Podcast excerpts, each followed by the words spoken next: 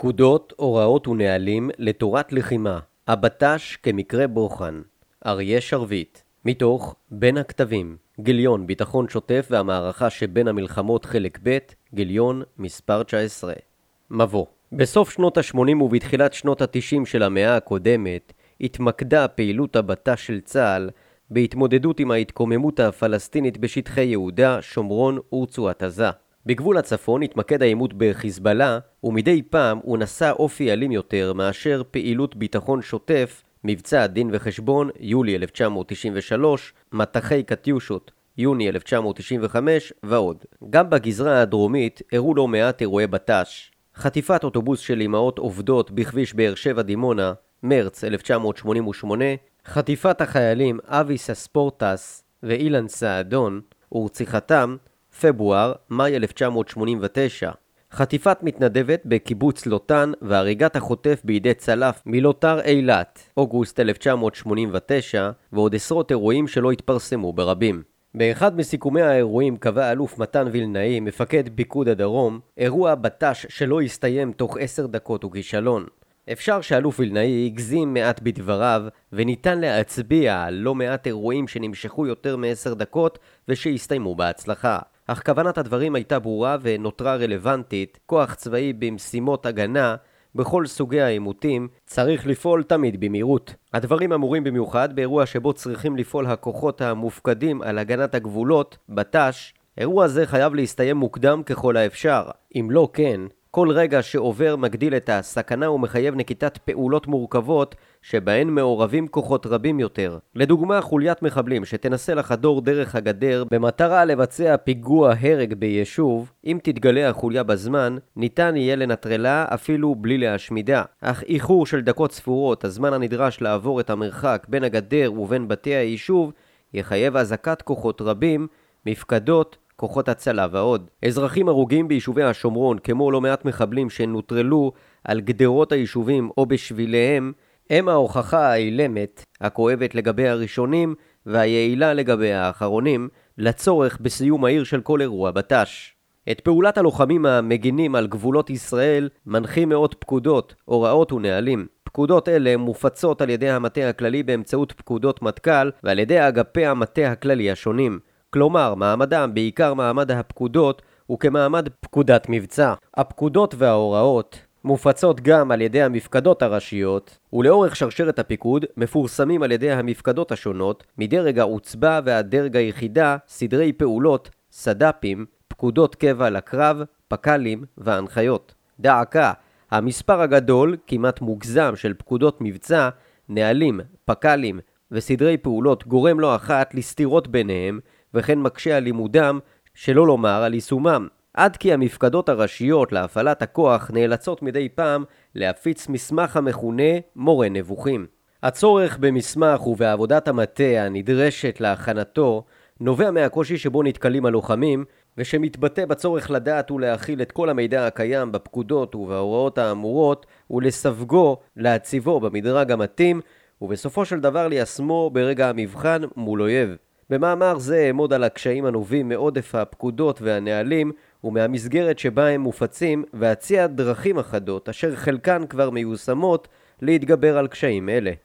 הגדרת הבעיה בשנת 1998 נשלחו שני חיילים דמיוניים בשירות סדיר, אחד מהם נהג, למשימה לאורך גבול ישראל-מצרים. שני החיילים היו צריכים להעביר ציוד צבאי לכמה מוצבים לאורך הגבול. לפני שיצאו לדרכם הם קיבלו תדריך ממפקדם. התדריך כלל הוראות בטיחות בדרכים והוראות בטיחות כלליות, הוראות פתיחה באש ודרכי תקשורת עם כוחות הבט"ש. עשרים שנים מאוחר יותר, עתה כבר בשירות מילואים, נשלחו השניים למשימה דומה. הפעם התדריך שקיבלו היה ארוך בהרבה. שני עשורים של התפתחות בתורות הבטיחות ושל דוחות שחוברו עקב תאונות מסוגים שונים, הפכו את תדריך הבטיחות למקיף בהרבה, וכמובן ארוך לאין שיעור מזה שהם זכו לו עשרים שנים קודם לכן. הוראות הפתיחה באש שאורכן והיקפן היה מצומצם למדי, הוחלפו בהוראות שימוש בנשק. אלה נעשו מורכבות, מדויקות ופרטניות, עד כי אחד החיילים פסק, עדיף בכלל לא להשתמש בנשק. אם במקום שני החיילים היו נשלחים לביצוע המשימה שני לוחמים, המצב היה מורכב עוד יותר. לוחמים המבצעים פעילות בט"ש לאורך הגבולות צריכים להיות מיומנים במגוון גדול בהרבה של פקודות, משימות, טכניקות והוראות, וכתוצאה משינויים בסביבת הלחימה, הם כפופים לפקודות רבות בתחום המשפט, היחס לתקשורת ועוד. אם בעבר הספיקו כמה ימים לפי הפקודות או כמה שעות לפי הביצוע כדי להכין לוחמים לביצוע תעסוקה מבצעית לאורך הגבולות, הרי שכיום אין המצב דומה וטוב שכך. העובדה שמספר ההוראות, ההנחיות והפקודות לביצוע פעילות בט"ש הוא גדול מאוד אינה יד המקרה או התלהבות של מאן דהוא לכתוב נהלים. בסיום כל אירוע בט"ש נפנים מפקדים וקציני מטה לתחקר את האירוע ולהפיק ממנו לקחים. תוצאות התחקיר הן בדרך כלל פיתוח אמל"ח, שינוי בארגון ובפריסה, וכתיבת הוראות, הוראות רבות מאוד, שלרוב באות לענות על כשל מאירוע זה או אחר, ושאינן נבחנות במסגרת הכוללת של הציוויים הקיימים. לכן, לא ייפלא שלאחר כ-70 שנים של הגנה על הגבולות, תצטברנה פקודות והוראות כה רבות. השאלה היא, האם באמת יש צורך בכולן, והאם אין דרכים טובות יותר להנחילן, עד שאלה תהפוכנה לחלק בלתי נפרד מדרך הפעולה של לוחמי הבט"ש, בדיוק באותו אופן שבו לוחם חי"ר מתייחס לטכניקת פריצה לבית או מפקד גדוד מתכנן תכנון חפוז של כיבוש יעד. לבעיה של גודש הפקודות וההוראות יש שני פנים. האחד הוא כמותי והשני הוא איכותי, ואציג אותם באמצעות אירוע נוסף שאינו דמיוני כלל ועיקר. באמצע שנות התשעים של המאה הקודמת התארחה קבוצה של קצינים ותיקים מפיקוד הצפון באחד המוצבים ברצועת הביטחון בתוך שטח לבנון. הקצינים קיבלו סקירה מקפת על האזור, על האתגרים הניצבים בפני הלוחמים ועל הדרכים הננקטות לביצוע המשימות. שיא הביקור היה מעקב אחר תהליך ההכנות והיציאה לפעולה יזומה בעומק השטח. חבורת הקצינים הוותיקים נדחקה עם הלוחמים הצעירים לתוך חדר התדריכים. מפקד הכוח ניצב מול הצוות ומאחוריו ניטלו מפה, תצלומי אוויר מעודכנים ושרטוט של המרחב. לצד אלה ניצבה רשימה ארוכה של נהלים, הוראות ופקודות שנגעו לפעולה המתוכננת. לאחר הפקודה והתדריך התקיים תחקיר שנגע לאופן הביצוע. מפקד הכוח שאל את כל הלוחמים וממלאי התפקידים באשר לפעולות שעליהם לבצע ובאשר למידע שעליהם לדעת לפני היציאה לביצוע המשימה ובמהלך הביצוע. הצוות גילה בקיאות מרשימה בתוכנית ובנהלים לביצוע המשימה. מדי פעם שלף אחד החיילים או המפקדים פנקס, פנקסון, דפית הפעלה או סד"פ מודפס על קרטון מקופל, אקורדיון, והסתייע בהם כדי לענות על שאלות מפקדו. כמה שעות מאוחר יותר עמד הצוות במסדר יציאה. כל אחד מהלוחמים נשא על גבו כמות מרשימה של ציוד ולאחר בדיקות נוספות יצא הכוח לדרכו. אחד הקצינים הוותיקים ניגש למפקד הפלוגה ושאל אותו אתם באמת צריכים את כל הציוד הזה לפעולה שאמורה להימשך לכל היותר עשר שעות? והוסיף נראה לי שיש כאן חצי טונה של ציוד. מפקד הפלוגה הישיר את מבטו וענה את האמת? לא. למראה הגבה המורמת של הקצין אפור השיער הוא המשיך יש לנו כאן בערך 100 קילו של ציוד למשימה ועוד 400 קילו של פאקים, תקלות. הפעם הורמו גבות הקצין הוותיק גבוה יותר. מפקד הפלוגה שהוכיח עצמו כמפקד מעולה שנים מאוחר יותר, הסביר לפני כמה חודשים מישהו שכח להביא מים, אז החליטו שמעכשיו בכל משימה נוסיף עוד כך וכך ליטרי מים לכל לוחם. אחר כך העלו טענות נגד כמות התחמושת, וכמובן שהוספנו עוד שני פק"לים. הבנתי, הנה נפור השיער. ואותו דבר גם בקשר לנהלים ולפקודות? בדיוק אותו הדבר, ענה הקצין הצעיר. חמישה נהלים והוראות קשורים באופן ישיר למבצע, ועוד 15 הוראות שנוספו בגלל תקלות. ב-24 במאי 2000 עזב אחרון לוחמי צה"ל את שטח לבנון. 18 שנים פחות כשבועיים מאז החל צה"ל במבצע אורנים חלפו. במהלך התקופה ביצע צה"ל אלפי מבצעים, אשר אמנם לא כולם נשאו אופי של ביטחון שוטף, אך במהותם היו אלה מבצעי בט"ש. במהלך שהות צה"ל בלבנון נכתבו עשרות ואולי מאות נהלים שעסקו באופן שבו צריכים לוחמי צה"ל להפעיל את כוחם על מנת להגן על הקווים הביטחוניים שנקבעו בלבנון ובגבולה עם ישראל, הקו הסגול, הקו האדום ועוד. חלק מהנהלים ששימשו את הכוחות בלבנון ממשיכים לשמש את כוחות צה"ל עד היום, לדוגמה, מערב ארטישוק. הכמות הגדולה של הנהלים מעלה את שני הקשיים שדובר עליהם לעיל, והם הקושי הכמותי והקושי האיכותי. הקושי הכמותי כל סטודנט לכלכלה וכל תלמיד במקצועות הניהול לומד כבר באחד הקורסים הראשונים שלו את חוק התפוקה השולית הפוחתת. חוק עריץ זה קובע שככל שמגדילים את אחד מאמצעי הייצור, כך קטנה התפוקה השולית שאמצעי זה מספק. לדוגמה, אם פועל אחד נזקק לארבע שעות עבודה כדי לסיים משימה נתונה, תוספת פועל נוסף לא תפחית את משך הזמן הנדרש ב-50% אלא בפחות. כלומר, שני פועלים יצטרכו יותר משעתיים להשלמת המשימה. לצורך הדוגמה, נגדיר את הזמן כשעתיים וחצי עבודה. לפיכך, התפוקה השולית של הפועל השני היא שעה וחצי עבודה. התועלת של הפועל השלישי תהיה אף פחותה מזו של חברו וכך הלאה. עריצות החוק תתגלה עם תוספת של פועלים מספר 6 או 7, בהתאם לסוג העבודה, להתמחות הנדרשת ולגורמים משפיעים אחרים, תוספת של פועל שישי או שביעי תגרום לכך שהזמן הנדרש לביצוע המשימה יתארך מעבר לזמן שנזקקו לו חמישה פועלים.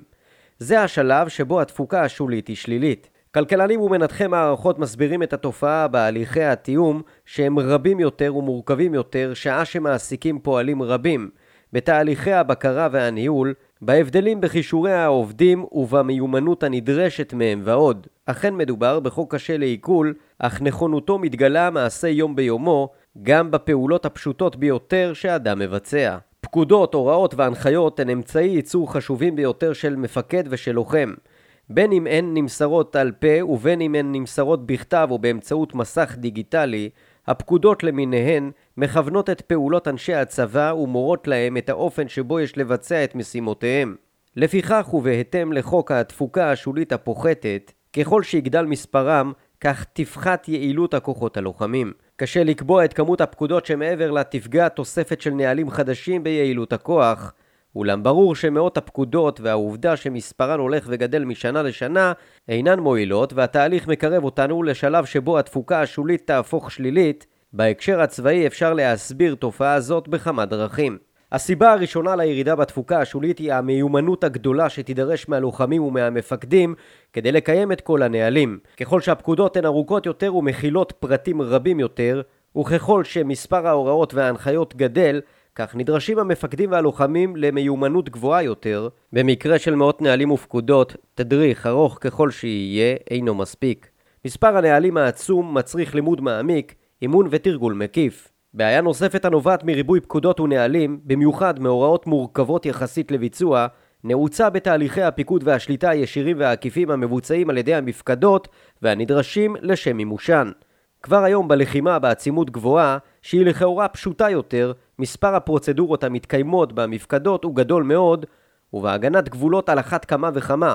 הקושי מתגבר בלחימה בביטחון שוטף, משום שבלחימה מסוג זה מרכיב הזמן הוא משמעותי מאוד, ונקיטת פעולה באיחור של דקות עלולה לגרום לכישלון הכוח. לכן, המפקדות פועלות לרוב בשיטה המכונה על כל צרה שלא תבוא. בשיטה זאת מפעילים כוחות רבים ונוקטים לא מעט פעולות כדי להרוויח זמן בשעת הצורך, והדבר מגדיל את מספר הפרוצדורות המבוצעות, את התיאומים, את הפקודות הנמסרות, ובסופו של דבר את העומס המושת על המפקדות ועל אלה הכפופים להן. היבט כמותי נוסף נובע מהעובדה שהיום, כפי שהיה מאז ומעולם, אין כל אפשרות תאורטית או מעשית לכסות את כל אפשרויות הפעולה באמצעות הוראות ונהלים.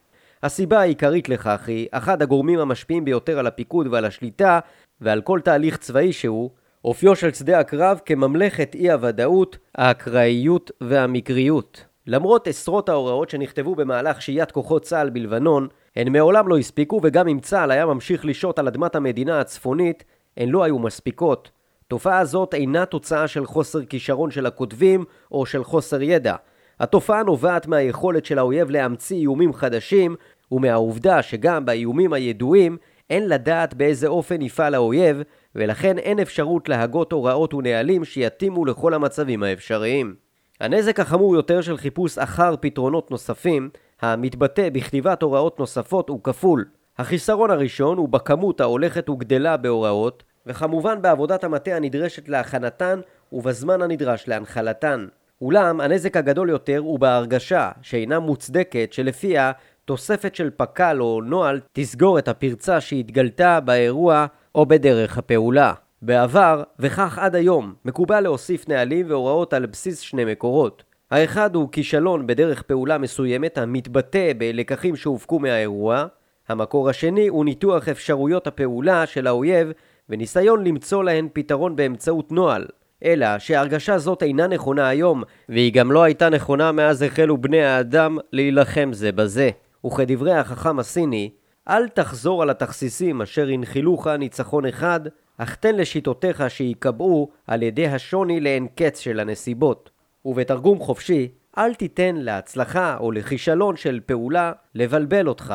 התרכז בשיטה, תורת הלחימה, המתאימה לאין ספור מקרים, וכך תצליח.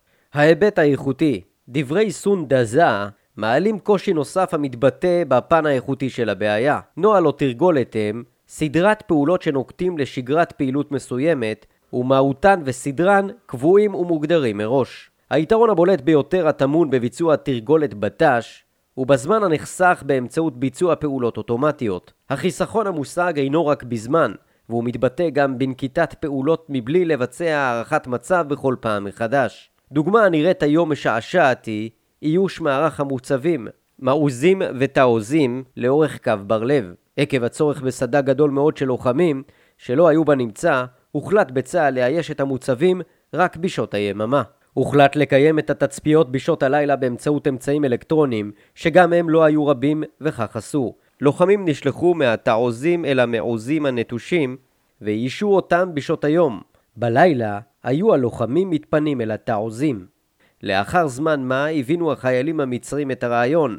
לעת ערב הם נהגו לעלות על הסוללות בצד המערבי של תעלת סואץ, לקרוא לחיילי צה"ל ולהצביע בלגלוג על שעוניהם כאומרים, הגיעה השעה להתפנות. לדוגמה זאת הצטרפה העובדה שהצבא המצרי הכיר את תוכניות צה"ל על בוריין, ובדיוק בהתאם לפקודות הקבע, שוב אחיונים, הוא תכנן את תוכניתו והוציאה לפועל. דוגמה משעשעת פחות, הרבה פחות, היא השעות הראשונות של מלחמת לבנון השנייה. זמן קצר ביותר לאחר האירוע שפתח את המלחמה, שבו הותקף סיור של צה"ל, נהרגו שלושה לוחמים ונחטפו גופות החיילים, אהוד גולדווסר ואלדד רגב. הוברר למפקד האוגדה שמדובר בחטיפה. עוד הוברר שהפעלת נוהל חניבל אינה רלוונטית בנסיבות שנוצרו באותה העת. לפיכך הורה מפקד האוגדה לבצע נוהל קבוע שלפיו טנק מכוחות הבט"ש ייכנס ללבנון ויתפוס עמדה במוצב חיזבאללה נטוש במרחק של כמה מאות מטרים מהגבול כדי לסייע בחסימת דרכי הנסיגה של החוטפים. שניות לאחר שהתמקם הטנק על הסוללה של מוצב חיזבאללה, התפוצץ מטען רב עוצמה. צריח הטנק הועף למרחק של עשרות מטרים, וארבעת אנשי הצוות נהרגו במקום. חייל נוסף נהרג במהלך חילוץ שרידי הטנק. בסוף יום הקרב נמנו לצה"ל עשרה חיילים הרוגים, מות שניים מהם התברר מאוחר יותר עם החזרת גופותיהם. הנקודה החשובה לענייננו היא שמתוך עשרות ההרוגים, תשעה נהרגו בעת ביצוע פעילות בט"ש קבועה ובהתאם לנהלים ולפקודות קיימות. המערב שהוצב לחיילי ישימון 4, שנע במסלול פתיחת ציר, נהגה, תוכנן ובוצע על סמך ידיעת המסלול הקבוע של הכוח.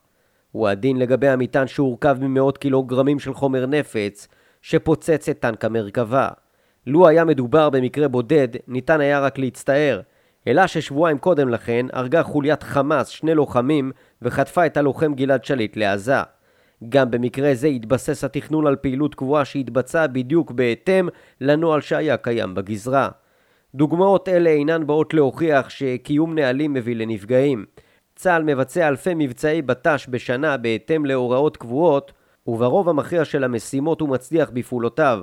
אולם שני מקרים אלה ועוד לא מעט אירועים של פגיעה בכוחות שביצעו משימות קבועות מוכיחים שפעולה רק בהתאם לנוהל לא תספיק והיא אף תהיה קטלנית. לכן יש לפעול קודם כל לפי השכל הישר, הערכת המצב ורק לאחר מכן לפנות לנוהל. במסגרת ההגנה על הגבולות צריך צה"ל להתמודד עם אויב נעלם, הפועל באורח בלתי סדור והמפעיל מגוון שיטות ודרכים. הגורמים הרבים הפועלים בשדה קרב זה והמשפיעים עליו כגון היבטים משפטיים של הפעילות, עירוב האוכלוסייה בלחימה ועוד, מהווים מאפיין נוסף של הגנת הגבולות. את המורכבות הזאת נדגים באמצעות ניתוח הצורך בכתיבת הוראה מבצעית להפעלת רחפן בבט"ש. מזה זמן מה מפעיל צה"ל רחפנים במשימות בט"ש. הצבא בכלל וחיל האיסוף הקרבי בפרט גאים בעובדה זו והם אף מזמינים סיקורי תקשורת לאמצעי החדש המופעל והטעם ברור. רחפן לתצפית הוא אמצעי מתוחכם שיכולותיו רבות. ופשוט לתפעול, שהרי רחפנים ניתנים כמתנות יום הולדת לנערות ולנערים ככלי משחק להנאתם. האמצעי הוא זול, ובאופן יחסי הוא גם זמין. בהתאם למסורת צפוי שצה"ל יפרסם, אם לא פרסם כבר, נוהל או הוראה הנוגעים לאופן הפעלת רחפן בשדה הקרב. בחינה מהירה של משמעות כתיבת ההוראה תראה שההוראה הזאת צריכה לכלול היבטים רבים. בראש ובראשונה הוא ההיבט המבצעי, כיצד מתכננים פעילות של רחפן או רחפנים, מי הגורמים היוזמים ומי הם אלה המאשרים את הפעילות. לכך יש להוסיף היבט תפעול טכני של האמצעי. עוד צריכה ההוראה לכלול גם היבטי תיאום אווירי, שהרי הרחפן פועל באוויר לעיתים בגבהים מקבילים למסוקים. תיאום אלקטרומגנטי כדי שהרחפן יוכל לשדר את התמונות למפעילים בלי להפריע לפעילות אלקטרומגנטית אחרת, וביטחון מידע על שני היבטיו, מניעת ידיעות מהאויב והסוואת המידע הקיים ברשותנו. על אלה יש להוסיף היבטים חוקיים. לדוגמה, מה יעשה מפעיל הרחפן אם יזהה ניסיון של ישראלים לבצע פשע חמור בשטחנו? זאת משום שלמרות תחכומו רחפן הוא אמצעי מטומטם וסביר בהחלט שהוא יקלוט גם חלק מהמתרחש בשטח מדינת ישראל. משמעות משפטית נוספת יכולה להיות גם לשאלה האם זיהוי של רחפן הוא מספיק ודאי כדי שלוחם אחר יוכל לירות לעבר מטרה שזוהתה רק באמצעות הרחפן. והכל עוד לפני שצה"ל החל להפעיל רחפן אלים.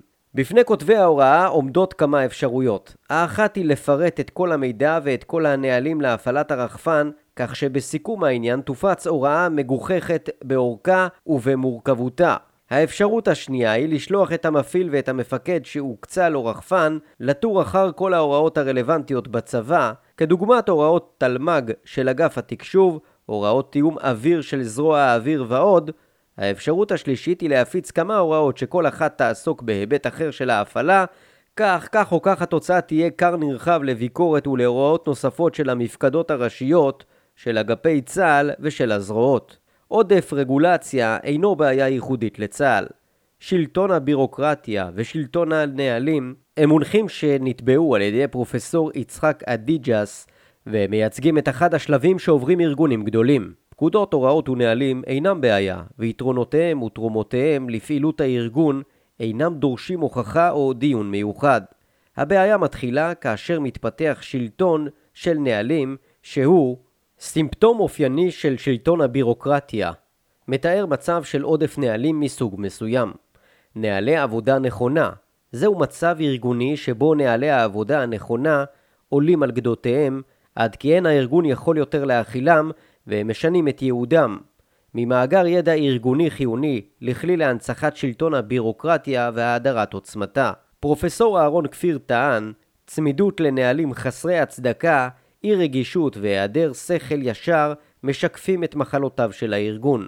על פי פרופסור יצחק סמואל, משבר זה מפתח רגשות איבה בין ההנהלה המרכזית ובין אנשי יחידות המשנה, המתבטאים גם בהאשמות הדדיות חוסר אמון ומאבקים בין אנשי קו הביצוע לאנשי המטה, נפתח מעגל של ביצה ותרנגולת. המנגנון מסבך את הנהלים על מנת להגביר את התלות של השטח בהם, כמות הנהלים גדלה כל כך, עד כי אין שום סיכוי להתעמק בהם וללומדם. יתרה מכך, הם מלאי סתירות כיוון שאלה שכותבים את הנהלים החדשים לא יכולים להקיף ולקרוא את הישנים, במצב הזה פועלים הנהלים נגד מטרות הארגון. יהיה זה לא מדויק ואף לא הגון להגדיר את המצב בצה"ל כרווי ברגשות איבה בין דרג השטח לבין דרג הפיקוד, אולם גם התחושה הנצחית שלפיה אין מבינים אותם למעלה, תחושה שאינה זרה לקצינים ולמפקדים רבים, מחייבת מציאת פתרון לבעיית ריבוי ההוראות, הנהלים והפקודות בבט"ש. הגורמים להתפתחות הבעיה בדומה לרוב התופעות הצבאיות, תופעת ריבוי הפקודות והנהלים ומורכבותם אינה תוצאה של מהפכה אלא של התפתחות. אפשר להצביע על כמה סיבות להתפתחות זאת, והן המחסור והאחריות, ההתמחות ותרבות הנהלים. הסיבות קשורות זו בזו, כפי שיתואר להלן.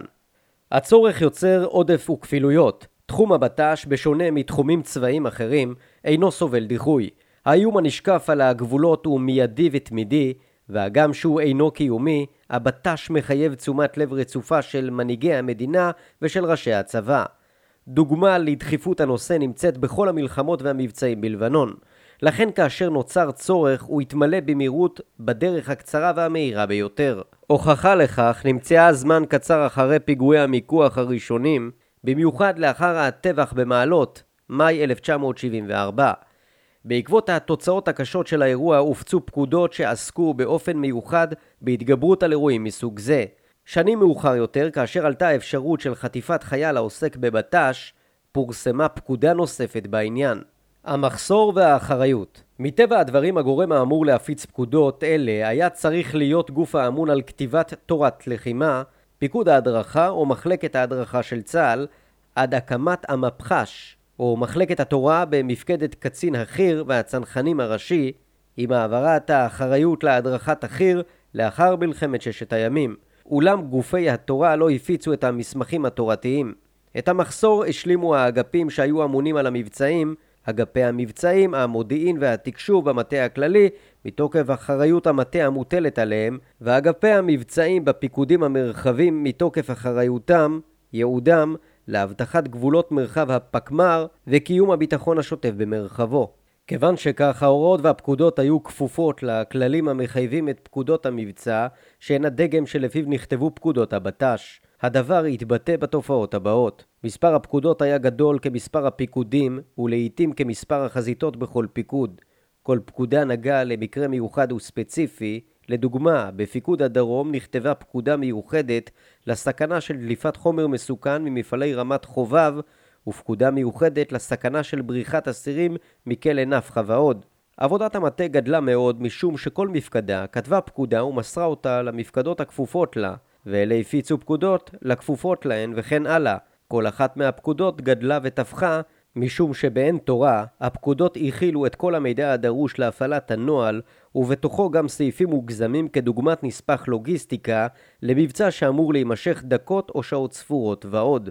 התמחות צה"ל מגן על הגבולות ומקיים את ריבונות המדינה בשטחים שונים באמצעות כוחות לוחמים בשירות סדיר ובשירות מילואים. הלוחמים מוכשרים בעיקר להילחם נגד אויב בעימותים מסוגים שונים, אך אינם מוכשרים לביצוע פעילות בט"ש. זאת ועוד, היחידות מבצעות את פעילות הבט"ש בגזרות שונות ולפרקי זמן קצרים יחסית. לדוגמה, כוחות לוחמים מהקואליציות הבינלאומיות משרתים במדינות היעד זמן ארוך פי כמה מלוחמי צה"ל. לפיכך, בשל היעדר ההתמחות, משלימים את החסר באמצעות פקודות ונהלים ולא באמצעות לימוד סדור של תורת לחימה לביטחון שוטף. בשנים האחרונות השתפר מצב זה בעקבות הקמת גדודים שייעודם הוא ביצוע פעולות ביטחון שוטף ובעקבות הקמת מוסדות ללימוד הביטחון השוטף, אולם אין הקומץ משביע את הארי. תרבות הנהלים תורת לחימה, אם היא נכתבת כראוי, היא תהליך ארוך יחסית וסדור הבא להבטיח שהתורה תיתן מענה מתאים לאתגרים הקיימים ולאתגרי העתיד. לעומתה, נוהל מחייב רק יכולת כתיבה וסמכות. לפיכך, כאשר מופק לקח עקב אירוע או מתעוררת בעיה, קל יותר להפיץ נוהל שיענה על הקושי שהתעורר. כל עוד נוהל זה או פקודה מסוימת הם בסיס לכתיבת תורה או פקודה כללית, אין בכך כל רע. אולם אם הנוהל שלרוב הוא זמני וייחודי, הופך לקבוע ולכללי ללא סיבה, מצטברים עשרות פק"לים וסד"פים, חלקם חופף וחלקם למרבה הצער סותר. בעיית הנוהל הופכת הרסנית משום שהיא פוגעת בעיקרון הפיקוד והשליטה הראשון של צה"ל, פיקוד משימה. דוגמה מאלפת להבדל בין נוהל לבין תורה צבאית ניתן למצוא באחת הפעולות הרגילות המתבצעות אחת לתקופה שהיא החלפה בקו. הקוראים מוזמנים לקרוא את ההוראות המקצועיות הרבות ואת הנהלים הקיימים העוסקים בקבלת אחריות על גזרה ולהשוותם לאחד מעקדי התו"ל משנת 1951, חטיבת רגלים מוגברת, מהדורה לא מתוקנת, ההבדל הוא תהומי. על אף שהעקד פורסם לפני יותר מ-60 שנים, אין מפורטים בו סדרי פעולות אינסופיים, והוא כולל את כל הפרטים הדרושים המופיעים היום ביותר מחמש פקודות והוראות שונות. הפתרונות האפשריים הפתרונות האפשריים לבעיה שצוינה הם שלושה, חלקם אף מיושם כבר היום, והם המשך המצב הקיים, האופציות, ותורת הלחימה התחומית שחלקה הוא טכניקות ותרגולות. המשך המצב הקיים אני מקווה שהקוראים לא הסיקו מהדברים שנכתבו עד כה שהוראות ונהלים הם מיותרים ושיש לבטלם. פקודות, הנחיות ופק"לים הם הכרח שאין אפשרות לנהל צבא בלעדיו ויש להמשיך לכותבם ולמוסרם. אך אם תימשך המגמה הרווחת היום, יגדל מספר הנהלים וההוראות. בעוד שנה, שנתיים או חמש ייזום קצין בכיר פעולה של צמצום ההוראות בבט"ש. סביר להניח שתמונה ועדה אשר בסוף התהליך תמליץ לאחד חלק מההוראות, לבטל אחרות ואולי להוסיף עוד כמה פקודות. סיכום עבודת הוועדה יורה בוודאי על צמצום מספר הנהלים. מטבע הדברים לא נפרט כאן את ההוראות ואת נוהלי הבט"ש שעלולים להיות מבוטלים, אולם ההולכים בדרך של המשך המצב הקיים ייתקלו בשני קשיים. האחד הוא שגם אם תתקבל החלטה למנוע ועדה שתפקידה לצמצם את מספר הפקודות, מספר ההוראות יקטן באופן יחסי, אך המספר הכולל והמוחלט לא יקטן מזה שהיה לפני חמש שנים או יותר. הקושי השני טמון בעובדה שאין יודעים תמיד את המקור להוראה מסוימת, וביטולה או איחודה עם הוראה אחרת עלול לפגוע בידע שלא אחת נקנה בדם. האופציות, גודש ההוראות והנהלים המחייבים את הכוחות העוסקים בהגנת גבולות וקווים ביטחוניים לא נעלם מעיני היחידות האחריות ליישומם. לכן, לצד המשך המצב הקיים, פותחה בעוצבות וביחידות מעין טכניקה הקרויה אופציה. אופציה היא סדר פעולות קבוע שיחידה מבצעת עם קבלת התראה לאירוע בט"ש או עם קבלת הודעה על התרחשותו. האופציה קובעת את הפעולות שיש לבצע בכל מקרה והיא מוכוונת מקום מוגדר. את האופציות השונות קובעים בדרג פיקודי מסוים ולעיתים ניתנת לדרג הכפוף רשות להוסיף על האופציה או לשנותה. ההיגיון עומד מאחורי קביעת הפעולות והאופציות מתבסס על שני האתגרים החשובים ביותר העומדים בפני מפקדים ויחידות בבט"ש, הזמן ותמונת המצב. את אתגר הזמן הכרנו כבר בתחילת המאמר, והאופציה באה לענות על המחסור בזמן באמצעות ביצוע כל הפעולות הראשוניות והנחוצות שתתבצענה בכל מקרה, יהיה האירוע אשר יהא. האתגר השני הוא גיבוש תמונת מצב והתאמת הפתרון לתמונת המצב. האופציה נועדה לסייע לגיבוש המענה באמצעות הפעולות שננקטו כבר ושיכולות להתאים לכמה וכמה תמונות מצב. היתרון החשוב ביותר של טכניקת האופציות טמון בכך שהן מותאמות באופן מיוחד לגזרה מסוימת ולתנאים מסוימים הידועים בגזרה כגון אופי השטח, האויב ודרכי פעולתו, אופי הכוח המבצע, כוחותינו, והתנאים הנוספים, גורמים נוספים. האופציה משלבת בתוכה לקחים מתאימים לגזרה ולמצב ומיישמת אותם. אופציה יכולה גם להשתנות בעקבות אירוע, אירועים, מידע, תמונת מצב מעודכנת ועוד. מפקד יכול גם לשנות חלק מהאופציה, ובמסגרת הערכת המצב המתמשכת, הוא אף יכול להכריז על מעבר מאופציה אחת לאחרת. יתרון נוסף אינו קשור לאופציות השונות, אך הוא משמעותי מאוד.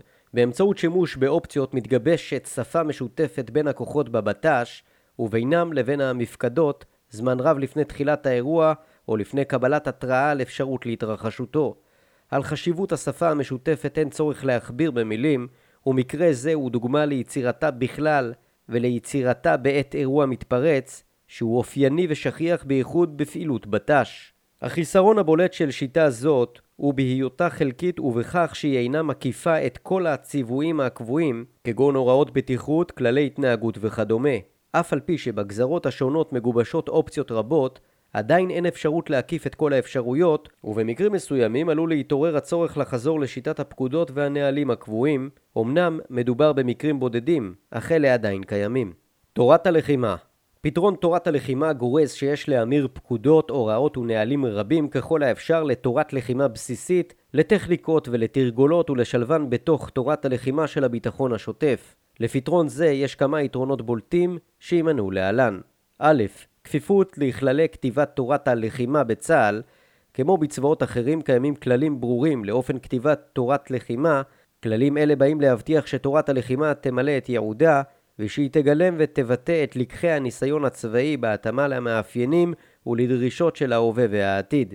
דוגמה לכך הוא פרק העקרונות בהקדי התורה הצבאית בכלל ובהקדי תורת הלחימה בפרט. פרק זה הוא החשוב ביותר בכל עקד של צה"ל, עקרונות ההתקפה בשטח בנוי. עקרונות האימונים, יסודות ההדרכה הנכונה, עקרונות בתכנון ובניהול קרב ההתקדמות, ועוד, מרכזים את רוב המידע הצבאי בתחום. הכותבים של פרק זה יוצאים מתוך הנחה שלפיה אין אפשרות לחזות את כל האפשרויות להפעלת הכוח ולפעולות האויב, ולכן יש להגדיר עקרונות ללחימה לפי העניין, לוודא שהם אינם סותרים זה את זה, ולעדכנם אחת לכמה שנים במידת הצורך. אם ייושם כלל זה בכתיבת תורת הלחימה של הבט"ש, יתייתר באופן מיידי חלק נכבד מהנהלים ומההוראות המיוחדות המופצות.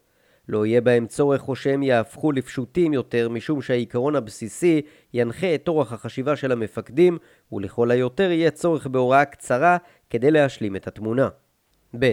ההטמעה אחד החסרונות שהוזכרו לעיל היה הצורך בהטמעה של הוראות ופקודות רבות כל כך. תורת הבט"ש שאינה קיימת נלמדת באמצעות אימונים לקראת תעסוקה מבצעית, על"ת, אימונים לקראת לחימה, עלל, ונעלה 24, 48 ועוד. אופן הטמעה זה הוא סביר, אך בשל אופיו הוא נתפס כתורה מיוחדת שאינה קשורה לתורת הלחימה הכללית. תורת לחימה בבט"ש יכולה לתת מענה לחיסרון זה, משום שהיא מונחלת באופן סדור לכל ממלאי התפקידים, החל משלב הכשרת הלוחמים וכלה בהסכמת המפקדים. באופן רגיל תורת הלחימה נלמדת, מתורגלת בכיתה ובשטח, ולבסוף היא נבחנת בתרגילים מסוגים שונים. כאשר מטמיעים היטב את תורת הלחימה, ניתן לבצע אף את הפעולות המורכבות ביותר באופן יעיל. ג. ההסדרה תורת לחימה בצה"ל מוסדרת באופן ברור, כך שכל תוצר מושפע או נובע מן הגבוה ממנו. התורה מאורגנת בקטגוריות, והיא מאפשרת אוטונומיה יחסית לכותבים, תוך התאמה לדרג הגבוה יותר. לכן, לכאורה המקום של תורת הבט"ש מוסדר, אלא שבפועל היא אינה מאורגנת בתוך תורת הלחימה. כמו כן, אופן מימושה נקבע בתצורה של פקודות ונהלים, אשר כאמור אינם כפופים לכללים המחייבים כתיבת תורת לחימה. באמצעות כתיבת תורת לחימה לבט"ש המתבססת על התורה הבסיסית מבצעים, תורה תחומית והשלמות נדרשות של טכניקות ושל תרגולות, ניתן יהיה להסדיר את הידע הקיים ולהקיפו. למרות היתרונות הגלומים בהפיכת פקודות ונהלים לתורת לחימה, יש בה חיסרון בולט ולא מעט סיכונים. החיסרון נמצא בעובדה שרוב בני האדם מעדיפים לפעול לפי סדר פעולות קבוע ולא בהתאם לעקרונות. העדפה הזאת מועצמת במיוחד בעת עקה, חרדה, דחיפות העניין וחומרתו. בה בעת תורת לחימה אינה פקודה ואינה קובעת פתרונות או מענים צבאיים ספציפיים. לפיכך כותבי תורת הלחימה יצטרכו לבחון את דבריהם ולקבוע את העקרונות והכללים ולהותיר בלית ברירה חלק מהידע בצורת הוראות שתקבענה טכניקות ותרגולות. אולם, גם אלה תצטרכנה להיכתב בידי כותבי תורה ובהתאם לכללים הידועים בתורה הצבאית. סיכום זמן מה לאחר הקמת מפקדת חילות השדה אורגן אגף הביטחון השוטף במחלקת תורת חיל הרגלים והצנחנים. במשך עשרות שנים פיתח הענף ידע והפיץ הוראות מקצועיות שונות שנגעו לבט"ש, אולם הוראות אלה לא יכלו להיחשב כתורת לחימה תחומית, ובוודאי לא כתורת לחימה. ההוראות נשארו בדרך כלל אופי של טכניקות ושל תרגולות חיליות או רב-חיליות, ולרוב הן הקבילו לפקודות ולהוראות מבצעיות שהופצו על ידי אגף המבצעים במתכונותיו השונות. יתרה מכך, מעמדן נחשב נמוך יותר מהנהלים ומהפקודות שהפיצה המערכת המבצעית. גם ביתר חילות השדה ומאוחר יותר בחילות היבשה, פותח במחלקות התורה ידע, אשר גם הוא לא יכל להיחשב כתורת לחימה תחומית. בדרג המטה הכללי הופצו במהלך השנים כמה פרסומים העוסקים בלחימה בביטחון שוטף. הפרסום הראשון הופץ בשנת 1987, הממשל הצבאי, ויש בו היבטים מסוימים של הפעלת כוחות בביטחון שוטף. לאחרונה הופץ עקד נוסף שמעמדו עדיין טיוטה, מבצעים מוגבלים, אולם אין לראות בו את כל ההיבטים הנדרשים מביטחון שוטף. היבטים נוספים של ביטחון שוטף מופיעים בעקדי הדרגים שפרסם המטה הכללי בשנות ה-50 וה-60. בשנת 2017 פרסמה מחלקת תורת הלחימה והתפיסות בזרוע היבשה את עקד הגנת גבולות וקווים ביטחוניים. היה זה עדכון שני במספר לפרסום שנשא את אותו השם משנת 2007. שני העקדים היו עדכון ופיתוח של מסמכים קודמים בנושא, כגון מבצעי עיצוב 2005, עקד הגנת גבולות וקווים ביטחוניים, היה תחילת הדרך, והוא היה אמור להתוות את הכיוון שבו יצעדו כותבים נוספים. למרבה הצער אין הדבר כך, והפרסומים המשלימים לו הם מעטים מדי. לפיכך ממשיכות היחידות לפעול בהתאם להוראות ולהנחיות הרבות הקיימות. נראה שהגיע הזמן לאחר 70 שנים של הגנת גבולות, שתיכתב בצה"ל תורת לחימה מלאה לתחום חשוב זה.